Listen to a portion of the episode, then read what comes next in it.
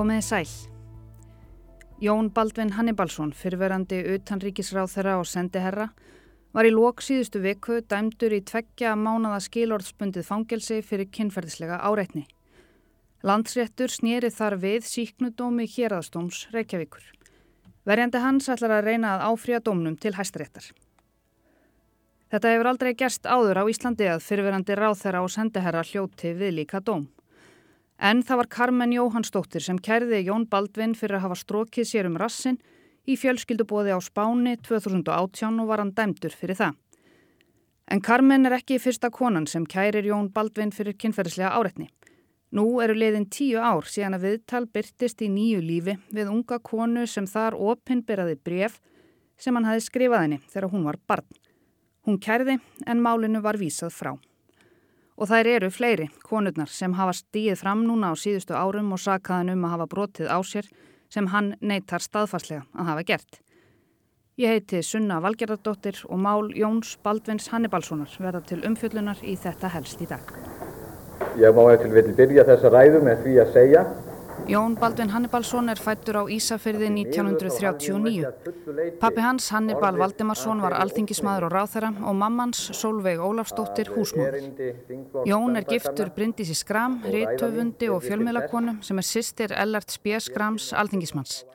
Jón og Bryndís áttu saman fjögur börn, Aldísi, Glúm, Kolfinu og Snæfríði.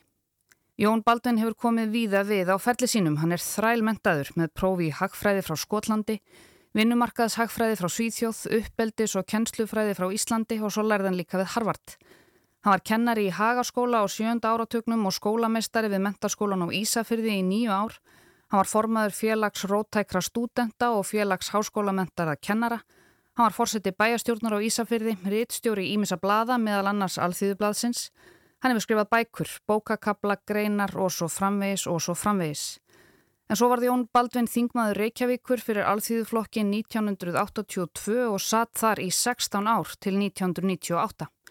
Hann var formaður flokksins 1984 og var það til 96. Hann var fjármólar á þeirra 87 til 88 og svo loks utaríkis á þeirra árin 1988 til 1995. Eftir það var þann sendiherra. Á tíma Jóns Baldvins í ráðurastóli viðurkendi Ísland fyrst ríkja sjálfstæði Ístrasaltslandana og hann beitti sér sumulegis fyrir aðild Íslands að evróska efnahagsvæðinu. Sum sé, þetta er nokkuð sildur náungi, hann Jón Baldvin Hannibalsson.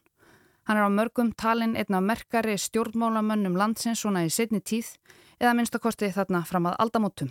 Hann var lengi einn helsti álitskjafi fjölmiðla hvað varðaði utaríkismál, efnahagsmál og bara pólitíkina almennt. Jón Baldvin, hvað þýttu þetta fyrir okkur Íslendinga ef normenn fara inn?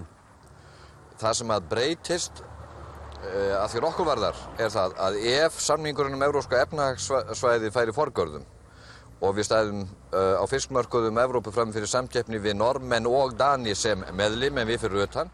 Hann var líka einn af aðal karakterum spökstofunar lengi vel þar sem vestfyrski reymurinn var eitt helsta enginnismerkið. Nú hefur auðaríkisráðuna breytt áallunum um heræfingar Allarsamsbandalagsins sem framvega fara hér á landi í júni.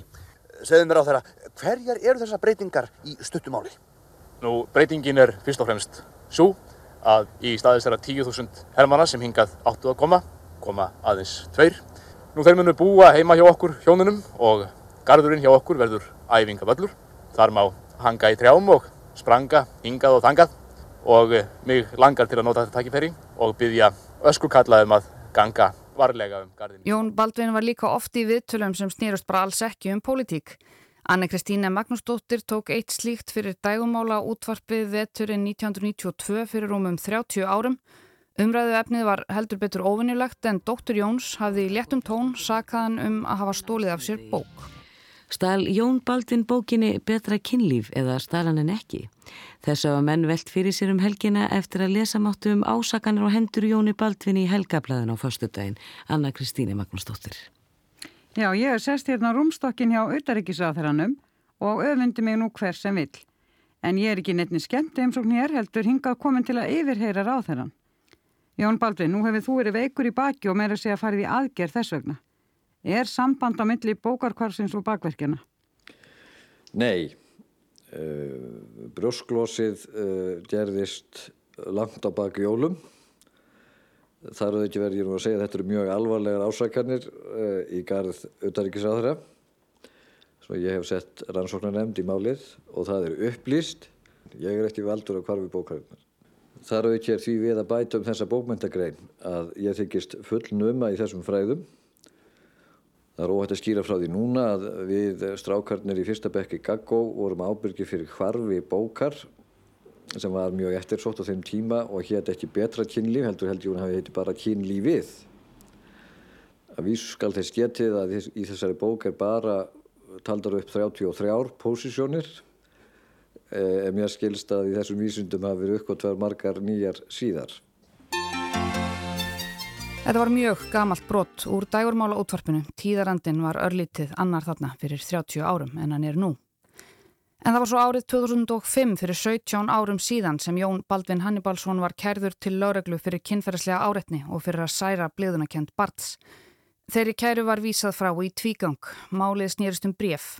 Bref sem Jón Baldvin hafði skrifað og sendt til barn ungrar frængu konunar sinnar. En það var ekki fyrir en sjö árum síðar, 2012, þegar viðtakandi brefana, Guðrún Harðardóttir, Steg fram í nýju lífi í viðtali við Þóru Tómasdóttur sem hlutirnir fóru að koma almennilega upp á yfirborðið. Ég grýp hér aðeins niður í grein Þóru úr nýju lífi. Guðrún Harðardóttir lagði árið 2005 fram kæru á hendur Jóni Baldunni Hannibalsinni þar sem hún sakaðan um kynferðisbrot gagvart sér. Þegar kæran var lögð fram var Guðrún 21 ásað aldri en hinn meintu brot áttu sér stað þegar hún var 10 til 14 ára og aftur 16 til 17 ára. Jón Baldvin var sendiherra Íslands í Finnlandi og Eistrasaltslöndunum þegar Guðrún kærðan. Guðrún er dóttir Magdalenu Skram, sýstur Bryndisa Skram. Jafnframt lísti hún atbyrðum sem áttu að hafa átt sér stað á árunum 94 til 2001 og á þeim tíma gengdi Jón Baldvin mikilvægum stöðum í auðaríkistjónustunni. Í kærunni kemur fram að hún hafi þegar Guðrún var stött á Spáni á samt fjölskyldu hans árið 94 snertana óþarflega mikill meðal annars borið á hana sólarolju. Árið 1999 hafði hún farið með Jóni Baldvinu og fjölskyldu hans til Ítalju. Hún hafi verið með pinna í tungunni og hafi hann við haft þau orð að hann hafi aldrei kist stelpu með pinna í tungunni og gert tilrönd til að kissa hana, en henni hefði tekist að vika sér undan. Þá hvaðst Guðrún tviðsarsinnum hafa vakna við að Jón Baldvin var inn í herbergi hennar eða fyrir utan það þegar hún bjóði í föðurhúsum. Máli sínu til stuðnings lagði Guðrún fram handskrifið bref sem Jón Baldvin sendenni árin 1998 til 2001. Þau sendan þegar hún var 14 ára og svo 16 og 17 ára. Máli var, eins og áður segir, fælt niður eftir að það sem margir segja nokkuð vafasama, tveggja ára meðferð yfirvalda. Viðtal þóru við Guðrúnu vakti mikla aðtigli. Þetta var eiginlega fyrsta alvöru MeToo-málið á Íslandi. Og sannunargögnin þau lág alveg fyrir, Guðrún átti brefin ennþá. Jón Baldvin hafi handskrifað þau, dagsett þau og notað brefsefni sendiráðsins. Ég ætla ekki að fara mikið út í efni brefana hér, þau þekkjum við líklega flest upp að einhverju marki, þau voru klámfengin og klúr. Hann lísti kynlífi með eiginkonu sinni, vittnaði í það sem hann kallaði munúðarsögu perusks skálds, hans eigin kynórum og svo framvegis. Sumuleiðis sendan Guðrúnu erotíska bók. Hann játæði í yfirherslu að hafa skrifað brefin, bar fyrir sig domgreindarbrest og þvert tók fyrir að hafa haft nokkuð kynferðislegt í huga. Guðrún Harðardóttir var þarna 2012 fyrsta konan sem sakaði Jón Baldvin Hannibalsson ofinberlega um kynferðisbrott, en hún var ekki svo síðasta. Fyrir tveimur mánuðum byrtist yfirgrepsmikil grein í stundinni um Jón Baldvin með fyrirsögninni tíu ár af nýjum vittnesburðum um háttsemi Jóns Baldvins. Ég grýp nú ofan í grein Inga Freys Viljánssonar.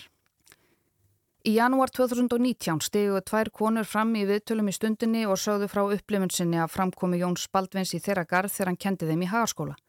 Þessi umfjöldun var byrt eftir að stopnaður var sérstakur Facebook-hópur með frásögnum hvenna að vittnusburðum um óeðlilega hegðun Jóns Baldvins í þeirra garð. Síðan voru 23 sögur um meinta kynferðislega áreitni hans byrtar á bloggsíðu undir yfirskriftinni MeToo Jón Baldvin. Meðal annara sem greindu frá myndri kynferðislegri áreitni hans á þessum tíma voru dóttir hans Aldís og svo sýstir eiginkonu hans. Í sama tölublaði stundarinnar lísti Carmen Jóhannsdóttir myndri kynferðislegri áreitni Jóns Baldins í sinn garð. Atvikið átti sér stað á heimili hans á Spáni. Carmen segir, þegar ég stóð upp á einum tímapunkti og fór að skenkja í glösin þá bara gerði kallin sér lítið fyrir og byrjaði að strjúka á mér rassin. Jón Baldvin hefur ættið haldið fram sakleysi sínu af þeim ásökunum sem hafa komið fram í frásögnum þessara kvenna. Í yfirlýsingu sem hann sendi frá sér 2019 eftir umfjöllun fjölmiðla um sögurnar Sagðan að þær voru annarkvort tilbúningur eða svo skrumskeldar að þær ættu sér ekki stóð í raunveruleikanum. En svo gerist þetta líka í februar 2019. Komið sæl. Ingebjörg Sólrún Gísladóttir setti Jóni Baldvin Hannibalsinni stólinn fyrir dyrknar þegar hann átti að skipa heiðursæti á lista samfélkingarinnar fyrir þingkostningarnar 2007. Þetta gerði hún vegna ósamilegra brefaskrifa hans til ungrar stúlku. Ingebjörg Sólrún Gísladóttir greinir frá þessu í fæslu sem hún byrti í kvöld í MeToo-hópi um Jón Baldvin Hannibalsson á Facebook. Ingibjörg segist hafa frétt af því fyrir kostningar 2007 þegar hún var formarflokksins að uppstillingar nefnd hefði bóðið Jóni að skipa heiðursæti. Ingibjörg segir að Jón hafi bröðist ókvæða við þegar hún sagði honum að hann er að víkja af lista og tilkynna uppstillingar nefndum það sjálfur að hann tæki ekki sæti. Það hafa hann þó gert en farið í Silfur Egils tveimur dögum síðar og talað um pólitískan ágreining sinn og formansins. Ingibjörg Solurón segir að hún segi þessa sögu nú því hún varpi ljós á þann algjör að skort á sómakent sem hafi engjent framgöngu Jóns Baldvins. Margir hafa komið Jóni Baldvinni til varnar, mest gamleir samherjar og stuðningsfólk sem telja hann ofsóttan fyrir litlar eða jafnvel engar sakir. Fyrir nokkrum árum stemdi Jón Baldvin Aldísi dóttur sinni og Sigmari Guðmund sinni þá þáttastjórnanda á Rúf fyrir það sem hann sagði tilhæfulausar sakagiftir, ránkarmi og gróf meðirði.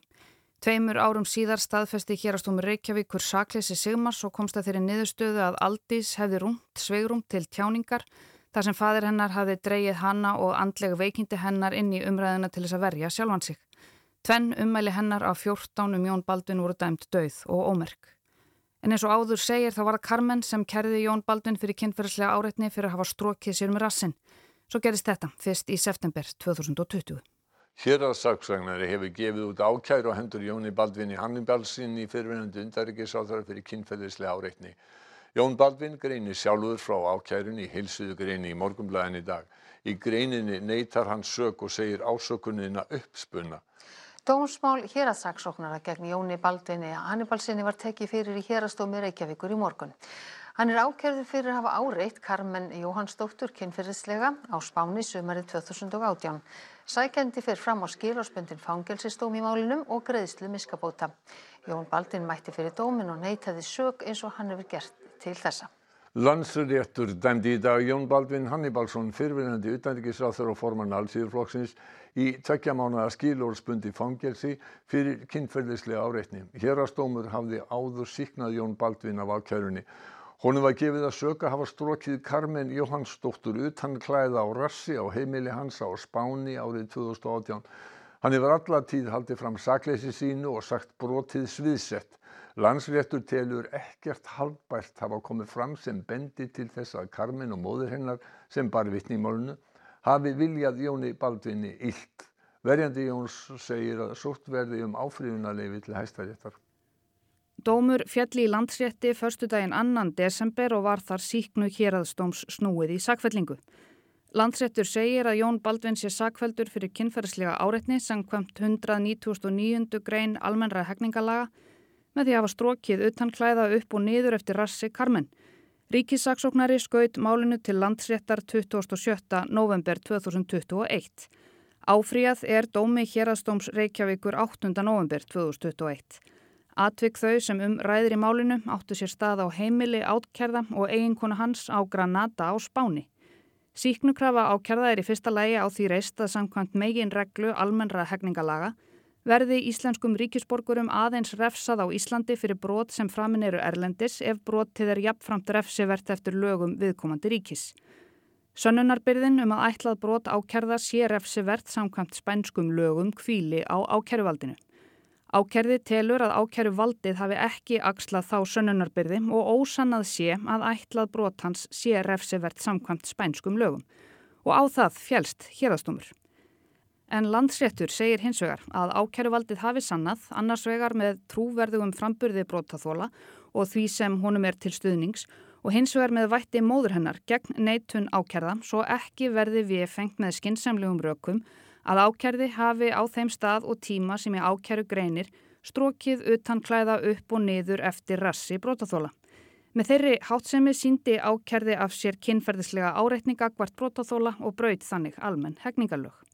Ákerði Jón Baldvin Hannibalsson sæti fangelsi í tvo mánuði en fresta skal fullnustu refsingarinnar og skal hún falla niður að liðnum tveimur árum frá uppkvæningu dóms þessa haldi ákerði skilorð.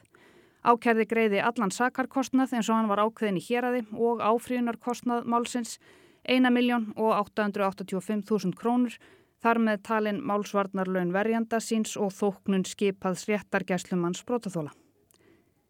Hvort þetta verði lok þessa máls eða annara tengdum Jóni Baldvinni Hannibalsinni er engin leið að segja til um. En ég heiti Sunna Valgeradóttir og ætlaði að láta þessari yfirferð minni lokið þar sem ég stiklaði mjög svo stóru en það var miklu að taka. Takk fyrir að leggja við hlustir og við heyrumst aftur á morgun.